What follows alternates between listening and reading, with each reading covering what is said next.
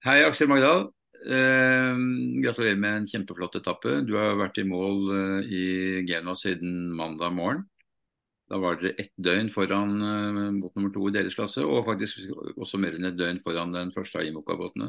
Så Det var jo ganske imponerende. Eh, og eh, du ble jo igjen geniforklart, og alle snakket om eh, Volvo Offshore i sin tid med med Eriksson 3 da du gjorde noe tilsvarende. Jeg vet ikke om du vil sammenligne de to hendelsene, men i hvert fall gratulerer med Vasco da Gama-trofeet, som gikk til beste navigatør i den båten som krysset 70 breddegrad på vei sydover til, til uh, Genova. Uh, fortell litt om etappen, hvordan du fikk dette kjempeforspranget. Nei, det jo Det er jo en uh, litt uh, uvanlig etappe. For det er en relativt uh, lang etappe, kanskje 11-12 dager. Men alt sammen langs kysten i veldig forskjellige områder. Først i Nordsjøen, så engelske kanalen, så over Biscaya. Nedover langs Portugal, Gibraltar, Middelhavet i seg selv med veldig variabel vind. Så veldig mange faser i racet. Kanskje Vanligvis har du kanskje tre-fire faser i et race, mens her skifter det fase hver dag. Så ganske omfattende etappe på den måten. Litt, uh, litt krevende kombinasjon av lang og veldig intens. Så hele, hele konseptet er litt annerledes enn jeg var vant til, men uh, det, er jo, det er jo bare å gjøre som vanlig. Så ja, fortelle litt om etappen. Vi, starter om et par runder utenfor Haag og lå på andreplass ut fra det. Seilte vi litt lavere enn de andre. 15-20 grader lavere rett ut fra etter, første, etter siste merke i, Haag. Og ja, det lønte seg ganske raskt. så I løpet av en times tid så var vi i ledelsen da, for vinden liftet, så det ble unnavind ganske snart. Og så og Da var jo unnavind av de andre. Neste var egentlig å komme seg opp på vestsiden av Nordsjøen og mot eh, UK. For der regnet med at vinden skulle vri mot uh, nordøst, og det gjorde den. Så da beskytter vi den kanten hele tiden. Og ja, følte at de andre på en måte ga bort litt hele tiden og ikke pushe såpass ekstremt som oss eh, mot den siden som eh, lønte seg. Og så var det jo mye vindmølleparker og altså trafikkseparasjonssoner. Det er jo blitt vanskelig å seile i Nordsjøen. Jeg syns ikke det er noe gøy lenger, det. Det, det er eh, ja, røde streker over det hele. og Hvis du kommer borti noen av de, så er det tappen over, på, stort sett. Så veldig kjedelig å navigere på den måten der. Det er som å seile langs en sånn kunstig linje hele tiden. Men uh, det er jo ja, det er jo mer utfordrende Man får brukt seg litt på det også, selv om akkurat det å unngå grunner og eksklusjonssoner ikke er det mest spennende. Det ble litt lite vind. ja. Dere seilte også da på kryss og tvers av um, den separasjonslinjen i kanalen. Er det, kan man gjøre det? Nei, altså Noe av det er låst ut. Det som er motgående, er uh, og, og i seg selv, det som er mellom uh, nordgående og sørgående felt, de, det er jo forbudt område fra Races sin side. Og så er det jo litt vanskelig regelfarvann på hva du har lov til å gjøre ellers òg. Om du har lov til å seile inn i separasjonssone. Om du seiler på tur, så gjør du jo det. Uh, I hovedsak med med Leias retning, altså med pilens retning, med høyrekjøring på de, på de stedene. Men uh, nå er det tatt med i, i seilreglene at man skal følge IRCAS, altså kollisjonsreglene for skip på sjø. Og regel 10 der, den er jo relativt streng når det gjelder eh, kryssing. Du skal ikke være inne i separasjonssone hvis du ikke er obliged to do so. Og Der kan vi diskutere hva som er obliged to do so. Om vinne er race er at du er obliged to do so eller ikke. Det vet jeg ikke. Uh, du skal krysse de på så rett vinkel som, som, mulig, og du skal joine de på så liten vinkel som mulig. Altså ikke seile brått inn. Det er klart Når du jibber på lens med de båtene, her, så er det 80 grader jibbe gjennom. da, så Um, vi passet på å ikke være første båten på, som gikk inn der etter at de andre har vist seg ganske aggressive i, i protester. Så vi passet på å være sistemann, sånn at alle de andre hadde gått inn der først. Så, men jeg tror vi har ikke forhindret noen skip. og noen ting, så det, det er litt common sense at vi kan gjøre sånn vi gjør. Men uh, klart når du vet at alle teamene prøver å bruke reglene for det det er verdt, så må du være litt forsiktig med det. Men vi seilte i hovedsak med ledens retning, da, selv om det blir litt vinkel på det noen ganger. Og så var vi egentlig ikke så mye inni det heller. Var vel så vidt inne en gang tidlig, og så krysset vi inn igjen den etter Dover, hvor det var viktig å komme sørover for mye vind. Sånn vi så det. Og da kom vi først inn i den vinden, og vi pusher ganske langt sørover der. Og så seilte vi jo veldig i samme retning som leden. Altså, sånn sett så vil jeg si at vi var egentlig ganske konservative i forhold til de, de reglene der. Eh, men det er jo kjedelig å seile med regler som er litt uklare og litt uklare konsekvenser og praksis. Så eh, sånn jeg ser det, så kunne Altså, jeg tror jo vi, vi er, seiler kanskje på et nivå og, og, en del mer offshore enn det det er eh, tenkt at man, at man gjør. Eh, både det å legge inn så mange eksklusjonssoner er jo veldig dårlig for racet. Eh, for, for seilerne i hvert fall. Og eh, litt farlig for uh, situasjoner med skip. Når det er eksklusjonssoner vi ikke kan seile inn i, så kan det være f.eks. der hvor vi runder 90 grader rundt hjørnet på en sånn trafikk uh, på slutten av en sånn trafikkseparasjonssone, og hvor det kommer skip ut. Som da lurer på hvorfor Hulestad vi ikke bare svingte inn bak dem, men seiler forbi de og så krysser rett foran de isteden. Vi seiler ofte litt fortere enn de. Mm. det kan, og det at de ikke er vet hva som er reglene våre, det, det, det, passer ikke helt bra sammen. Vi må nesten seile under de samme reglene. Så plutselig er det noen som seiler under race-regler, og det er jo ingen av Eller jeg skal ikke si det ikke, ikke er noen uh, kapteiner som uh, forstår akkurat hvordan det fungerer for oss, men det er klart hvis du ikke har hvis du ikke seiler selv og vet hvilken vind seilerne har, og hvor mange grader de slår gjennom og jibber gjennom, og vi ikke helt vet hvor de skal, og Kanskje du kan se destinasjonen på AS, men ikke um, hvor de har tenkt å seile for å finne mer vind. Så det, det, hele det der tror jeg er klar for en omskriving. Og det har de kanskje forsøkt når de har tatt det med i reglene, men uh, ja, nå er ikke jeg noen politiker, så jeg blander meg ikke så mye inn i det. Men uh, det heldigste hadde nok vært om det hadde vært gjort helt om, og kanskje, kanskje tatt bort. De er nok litt redd for at uh, nasjonene skal bli negative til at det seiles regatta. Hvis regattaene begynner å seile mye inn i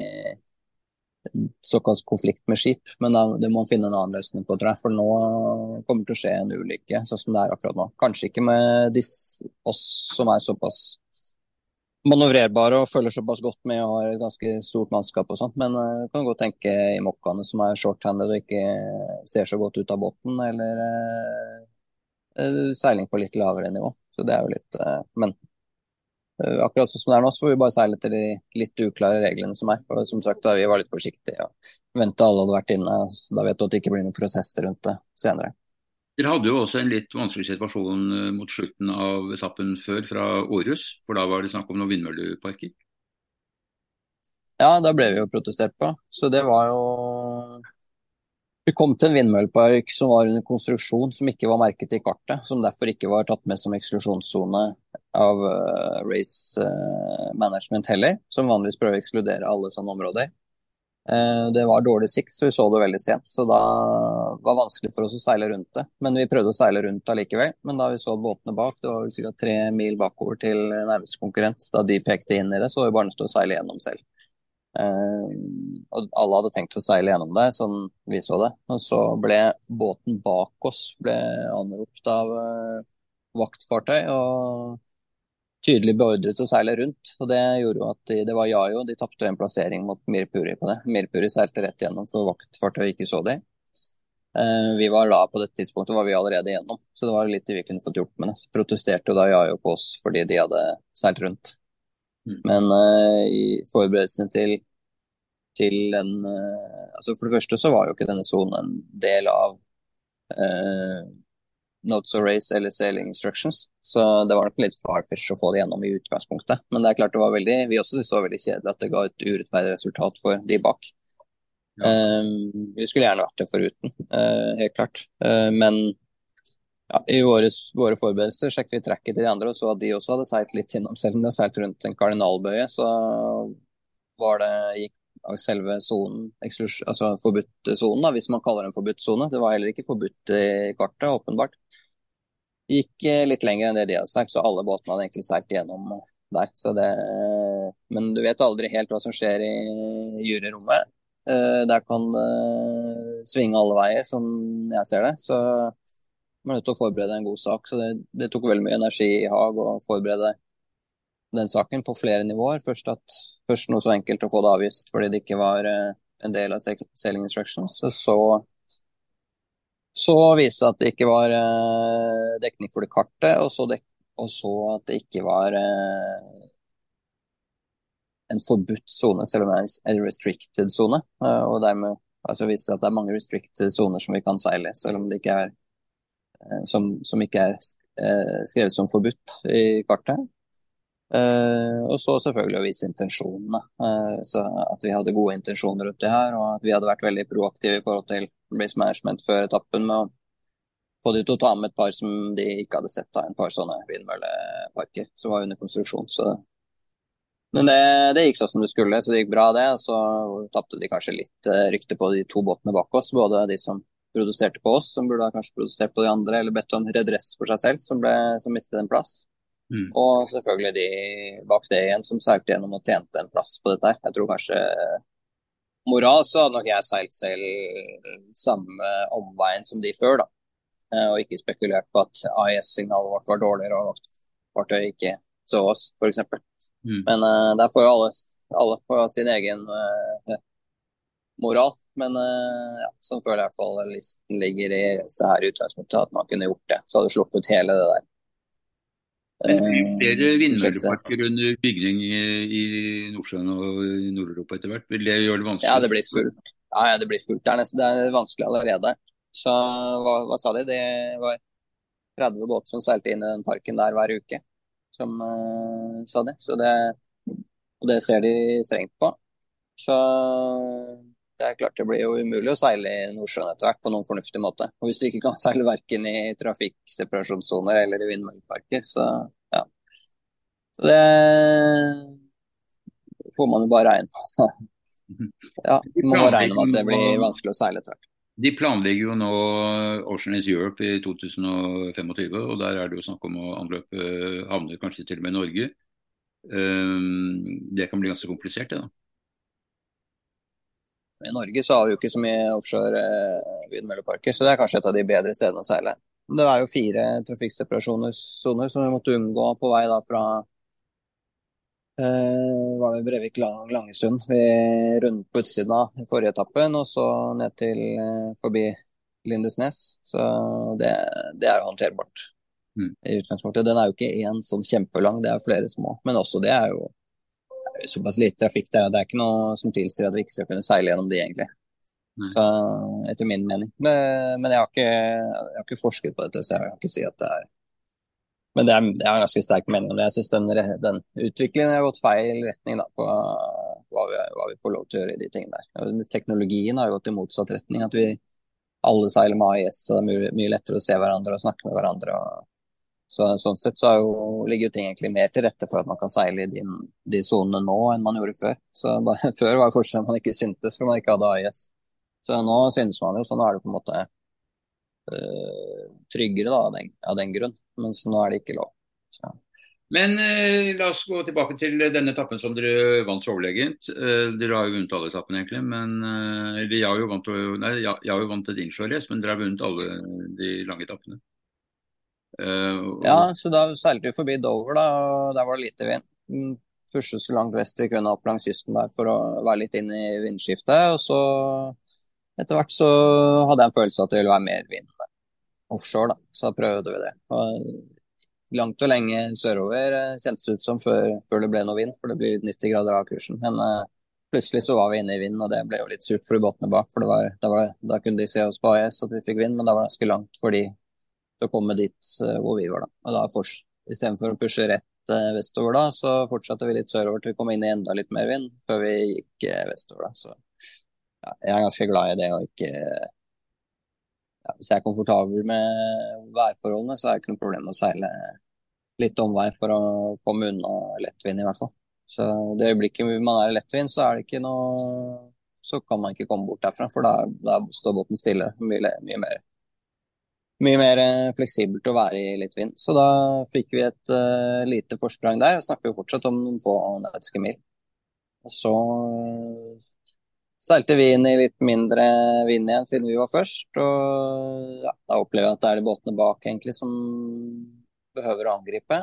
Vi prøver å dekke opp litt for de, så vi ønsker å være i seile omtrent samme farvann som de.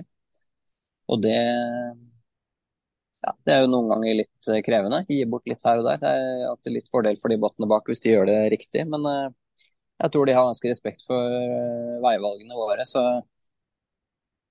ja, på en måte heldigvis, men på en måte litt uventet også. Så virker det som de, de lar oss velge først, og så følger de etter, da. Sånn som det har vært i det racet her. Så det er jo litt det er litt morsomt, men jo, vi, vi, kom, vi, kom, bort mot Southampton, Isle of White-området der. og der var jo bekymret for lite vind, men vi, til slutt så måtte vi jibbe. Eh, jeg kjente at ok, her er de andre så interessert i å gå vest, men nå, nå tør vi ikke det lenger i forhold til vind. Og da tok det ikke så lang tid, så jibbet de andre også sørover, da. Vi hadde kanskje egentlig villet jibbe sørover et stykke før, vi, for å, komme, for å, slippe å komme inn i det området med lite vind. Men uh, ja, det, folk tenker jo veldig annerledes, så det er jo egentlig gøy, det. Så får du litt uh, forskjellige veivalg. Uh, men ja, Men det som er fremtredende med disse båtene som seiler så veldig fort, altså Imokan og dere, det er jo at uh, det å seile i vind, uh, selv om det skulle bety ekstra distanse, så er jo det helt åpenbart at det lønner seg. Ja, det lønner seg hvis du vet hvor det er vind. Mens hvis det er uh, lett vind i værmeldingen, så er jo ofte værmeldingen også mindre presis. Så da kan du ofte ikke være helt sikker på det. Mm. Så Det gjelder jo spesielt noen steder. Så Det var jo litt sånn i engelske kanalen. Så ble det litt sånn på Eh, ja, litt sånn på slutten igjen i Middelhavet også. Men eh, ja, vi kom oss Det eh, var jo mye strøm. Vi hadde vel, målt vel seks knop strøm der forbi Cherbourg. Vi hadde en god, god, posisjon der. Og så visste vi at vi skulle komme inn i en veldig lettvintssone der, hvor det kom til å bli kanskje en omstart. Bestemte oss for å seile Prøve å være den nordligste båten gjennom det. Litt usikkerhet rundt det òg, men uh, det viste seg å lønne seg. Og det var selvfølgelig litt tilfeldigheter også som gjorde at akkurat vi som kom av gårde, og ikke noen av de andre. Men eh, For vi hadde jo bare lagt oss litt nord for de andre. Vi var vel, Mirpuri var vel innenfor en, Mirpuri Trifork var vel innenfor en nautisk mil, og vi drev og mesjet litt mot de. Og da vi plutselig kom av gårde og de ble liggende igjen, og det ble til hva, 60 nautiske etter noen timer eller noe sånt. Mm. Så det var, jo, det var jo heldig, da, at det var sånn. Og det viste seg jo også senere kan godt det blir vanskelig å sammenligne da, når avstanden er liksom som mellom Norge og Danmark. Du, man prøver liksom å sammenligne fart og sammenligne hvem som hadde beste veivalg også, men da er det jo litt forskjellig i vær. Altså, nedover kysten av Portugal altså, tror vi gjorde alt riktig. Det er klart Vi, la, vi seilte litt mer konservativt. og Prøvde å, som jeg sier, å seile litt unna de lettvindsonene. La på litt distanse for det. Men uh, rundt, rundt uh, etter Cascais og Sagres og sånn, så kan vi se at vi gjorde en liten bue unna kysten der. Uh, kanskje hadde vært litt vanskeligere å gjøre hvis vi seilte med konkurrenter helt inntil oss, men på det tidspunktet så ledet vi med 120 nautiske mil, kanskje. Så det ble jo veldig, veldig bra for oss, det. Så ble det lite vind igjen i Gibraltar, men uh, der er det jo stort sett østgående strøm, så det fikk vi strøm gjennom der, fikk hjulpet oss, og så kom vi inn tilbake igjen på andre siden. Så da dro vi ut. En annen, eh, en annen utfordring som ikke rammet dere direkte, men, eh, men for Jajo så var det jo spekkhuggere som eh, gikk på roret og gjorde det litt spennende en stund. Ja, det er også litt sånn utenomsportslig, kjedelig utfordring. Da. Så vi har jo også gruet oss for det der, at det kom til å skje med oss både på første etappe og nå på syvende. Så det er jo utrolig kjedelig hvis du plutselig får en skade på båten der, eller må stoppe, sånn som jeg jo gjorde. Så, og det er litt sånn Jeg kjenner at det, det, har tatt litt tid for de å finne en løsning på det der. Jeg vet ikke helt. Noen, på noen websider står det at man skal stoppe båten. På noen øh, fiskersider så står det at man skal gå mer drastisk øh, til verks. Så ja, vanskelig å si der. Uh, man har jo trodd at det er en veldig liten familiegruppe på noen få individer som holder på med det, men nå var det jo et angrep oppi mellom Norge og Shetland også, skjønte jeg. Så det ja. Ja, det er mange teorier, og det er vel ingen som har eh, svaret på verken hvorfor det har oppstått, eller hva man skal gjøre med det. Nei, så jeg tror det finnes noen uh, løsninger. Og så er det jo dette her med dyrevelferd står jo veldig sterkt, da. Jeg mm. vet ikke hvor stor den stammen er. Jeg tenker på den herre uh, i Oslofjorden som ble tatt ut. Det er jo nærliggende å tenke litt i de baner. Men jeg aner ikke hvor sårbar den bestanden er. Så, men det er jo det påvirker utrolig mange båter hvert år, og det er veldig mange som vegrer seg mot å seile der. og Det er et område hvor man gjerne seiler når man er på vei, på vei sørover eller nordover. Så skal man seile langt på havet, og det er vanskelig å komme unna Gibraltar. Man skal inn eller ut av Middelhavet. Så, sånn sett så er det jo Ja, det er jo en, en stor uh, kostnad, uh, alle de materielle skadene. Så er det jo farlig for mennesker hvis båter synker der òg. Så jeg vet ikke, er det ikke snakk om en det er jo mange båter som har sunket, og så er det veldig mange som har kommet til land med nød og neppe, med hull i skroget. Mm. Lechtin, finske finsk seiler i, i, den Golden Globe, han uh, sank jo og ble plukket opp. Uh, og Det var jo inne i Indiske hav, vest for, eller sø, øst for uh, Syd-Afrika. Så det var jo ganske dramatisk. Men det er en annen sak. Vi skal fortsette med din etappe nummer Det var nummer, etappe nummer tre for dere, da, men ikke uh, hvor, dere, hvor, dere, da valgte å gå langs Afrikakysten. Og det var et litt sånn radikalt valg også. Ja, det var jo Vi måtte jo seile på det været vi hadde. Det var jo ganske lite vind der i det området da. Og langs Afrikakystene så er det jo spesielt på ettermiddagene eh, bra vind. For det blir litt lavtrykk over land når eh, det varmes opp i løpet av dagen. Og Afrika er jo ganske stort eh, land. Landmasse, holdt jeg på å si. Så det blir ganske bra der. Så vi hadde vel eh, Ja, jeg tror vi hadde 30 knop en stund. Så vi, vi, valgte å bruke det for å få en liten sånn Eller gjøre et lite hopp der. Altså, Bekymringen var egentlig ikke på det, det var mer på hvor mye vind det skulle være resten av over Middelhavet. Som sagt så er det vanskelig å stole på værmeldingen der. Og særlig når det er lite vind, så kan det være Hvis det er fem knop vind, så er det OK, da klarer vi å seile fem knop. Mens hvis det er eh, to knop vind, så stopper båtene litt opp. Det er, for å, det er jo mye våt flate og ikke helt lette båter. Og seilene er lagd for å tåle å seile rundt jorda. Så det ja, var jo litt usikkerhet rundt det. og Vi brukte mye Hadde vel 48 timer der vi ikke sov noe særlig. og Vi måtte bestemme om vi skulle gå på den Først bestemme hvilken rute jeg trodde de båtene bak kom til å seile, som var vanskelig nok, det. I litt, i litt skiftende værmelding og at de var et stykke unna fortsatt å gjøre det valget. De var kanskje tolv timer bak oss på det tidspunktet. Og så eh, Men vi bestemte oss for å seile der på egen hånd, da. Og vi trodde at det var eh, bra. Og det var jo mentalt for alle om bord, så var det det letteste. Mm. Uh, og ja, etter hvert så viste det seg at vi kom ganske greit gjennom de lettvindsområdene. Så faren var at vi skulle stoppe mye mer opp der hvor det var lite vind, uh, på utsiden av uh, Mallorca og Menorca. Mm. Så det, det, gikk OK. Og de andre stoppet opp kanskje ja, like mye som det man trodde, kanskje enda litt på den litt mer kystnære ruten langs Spania. da. Så det er ikke så lett, det heller. Men fordelen med å seile langs land, sånn som de gjorde, i motsetning til å seile offshore, det er at du vet at det kommer litt landbris og litt sjøbris i hvert fall, så du får beveget deg videre. Mens hvis du plutselig blir stuck i et høytrykkssenter midt ute i Middelhavet, så kan du bli liggende hvis du er uheldig, uheldig med at det bare blir sittende over deg eller flytter seg med deg. Mm. Så det er litt ukomfortabelt. Så fort vi kom forbi Mallorca, kjentes det veldig komfortabelt ut der. Hadde vi stor ledelse ja, halvparten av distansen til mål av det de andre båtene hadde. Så selv om det er eh, kjent for å være Europas største vindhull her eh, på utsiden av Genoa, så gjelder, ja, gjelder det samme litt her. At de kjente at det skulle være mulig å gå til land her og få beveget seg 30 mil i løpet av de siste døgnene. Og det gikk bra. Vi hadde enda mer, litt mer vind enn det som var meldt også. Nå kom jo dere i mål mens det var litt vind, men så løyte vel det, da, slik at de som ble liggende bak, de hadde jo veldig lite vind siste døgn. Ja, Eh, de hadde jo veldig bra vind over eh, den bukta før vi kommer hit, da, for de fikk jo Mistral ut der.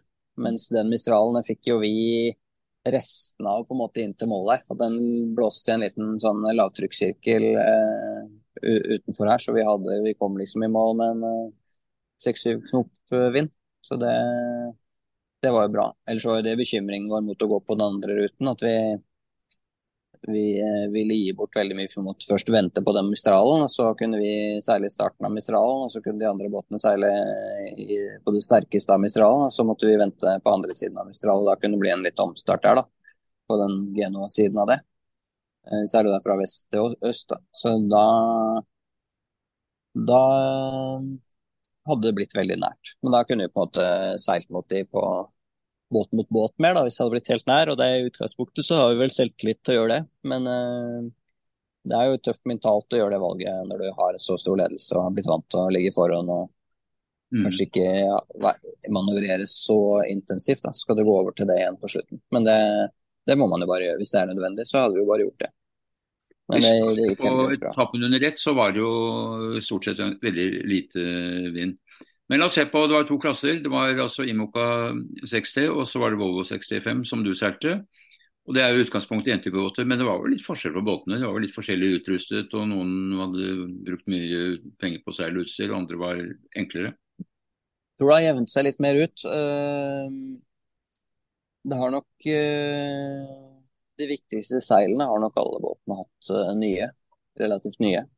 Og så har vi seilt litt mer regatta enn en noen av de andre. Vi har seilt i Karibien og pushet på racingseilene våre der, så ikke de er så nye lenger. Så ja, det er klart at en Det er ikke noe sånn eh, veldig utstående forskjeller på båtene nå, men det er klart at vi har jo hatt veldig godt vedlikehold på båten og et bra mannskap som på en måte vet hva som er nødvendig hele veien. Eh, for å få ut noen uh, tusendeler her og der. Så ja, vi har vel vært komfortable med at vi skal kunne seile fort, vi også. Men kjente, kjente, på en måte at det ikke kom ned til fart så mye på denne etappen, da, i og med at det var mer sånn ja, mye versus lite vind og komme seg først ut av lettvind og litt sånne ting. Så ja, jeg tror flere av de andre båtene har nok nyere seil enn oss akkurat på siste, de siste to etappene. Det sies at dette er siste gang eh, Volvo 65 er med i denne seilasen. Altså uh, Ocean Race. Um, nå var dere ikke med på hele seilasen denne gangen heller, men at dere heller ikke får være med i Ocean News Europe da, om uh, to år, det, det, det er vel også forlydende om. Eh, hva sier du til det, Hva, og hvordan ser du på klassens fremtid? Det er fine båter. Ja, det sier jo dere, da. Jeg er ikke noe veldig bundet båttype. Jeg seiler mange båttyper, jeg. Så det er ikke noe sånn. Jeg føler ikke at min personlighet er noe knyttet til 65-foterne. Jeg har jo vært mer rådgiver på land enn jeg har seilt i båten, egentlig, i de tre reisene hvor de har seilt eh, rundt jorda. Men eh, men uh, det som er fint med de båtene, er jo at de fins. En annen ting er jo at det er fint at det er rentype, så det blir veldig lik seiling. Og de er også laget på en måte som gjør at de ikke går så i stykker. Det er lagt inn litt sikkerhetsmarginer her og der, og er, de har vært bygget da, da, for at det skal være bra uh, bra for kommersielle interesser og sånn. At de ikke skal behøve å være redd for at en båt går i stykker på en etappe og ikke kan seile resten av racet og sånn, når du har brukt mye penger på det. Men uh, ja, verden går jo videre. Og nå har ikke jeg noe særlig erfaring med å seile i mokka nå, spesielt ikke nå med, som de foiler og sånn. og Det må på en måte de som ser på det si mer om hva som er bra på det. Det som på en måte kanskje blir litt spikeren i kista for 65-foterne, det er jo at uh, denne gangen så var det jo ikke så mange team med, med bra budsjett som gjorde at det til slutt ikke ble, til slutt ikke ble en full jorda rundt seilas for dem. Og det ja, For racer så er det jo lettere å forholde seg til noe litt mer forutsigbart. Altså at man har eh, båter som kommer til å seile. Så det er det, er det for alle stakeholders. Um, Så. For, for vår sponsor så er det også kjedelig at det ikke ble fullt jorda rundt. Det blir jo en litt annen uh, kommersiell output uh, fra det. Uh, uten at jeg har vært noe involvert i den siden der. så som sagt så har jeg ikke seilt i Mokkaen, i hvert fall ikke nå med de helt lukkede cockpitene sånn som de har nå. det er litt lengre tid siden. ser jo ikke veldig fristende ut. det, de krasjer, og det seiles med autopilot, og de kan ikke styre på bølgene selv. og Det ser ut som det er, eh, ja, det er litt mer sånn short-handed type seiling, da, hvor det ikke, er, hvor det ikke pushes nødvendigvis 100 hele tiden, og båten ikke tåler å pushes 100 hele tiden. Men jeg har jo vært med på båter hvor man, hvor som er litt mer i den retningen også. Det er jo ikke noe imot det. Det er jo, det er jo bare en del av gamet. Så jeg skal ikke si noe negativt om, om uh. Men uh, hvis jeg kunne velge noe personlig for meg, å seile i mokka eller en uh, Volvo 65, så hadde jeg jo seilt 65. Det er jo Mm. Men uh, det begynner å bli gammel, så man begynner å bli litt uh, fiendtlig til endringer og sånn. Så vi får jo vi får stole på at de som holder på hele tiden med sponsorer og ulike båter og sånn, altså race management, at de gjør de riktige valgene på de tingene der. Men du kan jo tenke f.eks. Eh, det er jo mer krevende det er mer krevende nå, tror jeg, å få i gang f.eks. en F.eks. en eh, i mokka enn å starte en 65-kampanje, da, hvis man er et lavbudsjett eh, fra kanskje et en ny nasjon som ikke har så mye erfaring på det. Jeg tror liksom ikke at uh, Østerrike og Team Mexico kunne, kunne fått seg en i mokka og så vært med, for det er såpass utviklingsklasse, og det handler om båtbyggere, og du, andre, du må ha litt andre budsjetter på det. Um, så det, det, er jo kanskje litt nedside av det. Men det, det, sies jo at det er veldig mange i Mokka som er interessert i å være med neste gang. Og det, det var det i utgangspunktet denne gangen også. Så det har litt med kalenderen å gjøre, og hva de prioriterer av race, og hva de får kvalifiseringspoeng til Van de Globe og sånt å gjøre. Så det blir spennende å se fremover. Det som synes i hvert fall helt sikkert, er at Imokan er ikke velegnet til å seile import races. Det, det må du slutte med. Ja, det kan jeg si hvis jeg var Kanskje kontroversielt å si, men uh, hvis jeg var en uh, nasjon, så ville jeg vært forsiktig med å ha de båtene i mitt farvann i det hele tatt. Det er jo Det skjer mye ulykker med det. Det er, uh, sånn som de er laget nå, så er det jo nesten vanskelig å se ut av det. Hvis, hvis det blir litt vått i tillegg, altså de spruter vann i tillegg, så er det jo er det vanskelig å holde utkikk. Så... vi så jo det i starten i, i Haag. Ja, ja jeg, jeg, har ikke noe, den har jeg nesten ikke sett. Vi hadde jo startet litt før det. Men uh, det så ut som det kunne vært uh, blitt fatal og veldig og små marginer før det ble det, den, den ulykken der. Uh, vi hadde jo det i Europa-race, så var det jo flere kollisjoner da også med de båtene. men akkurat, akkurat, det bør jo være enkelt å endre på, da. Men at de på en måte båtene bygges uten at det er gode muligheter til å holde utkikk og sånn, det, det, kan jo endres ved en regel. Og det kanskje de vil gjøre, og det vet jeg ikke. Mm. Så, men det er sånne ting som ser litt rart ut utenfra, så blir, blir du sikkert veldig vant til det når du seiler om bord i det. Og det er jo ikke noe tvil om at det er eh, kjempegøy å se at de foiler i 25 pluss knop i 15 knop vind på, på slør. Og så er det litt akkurat det import race, eh, at du begynner å seile en sånn slørebane rundt omkring, hvor eh, starten har alt å si, og at man ikke dummer seg ut i noen manøvre.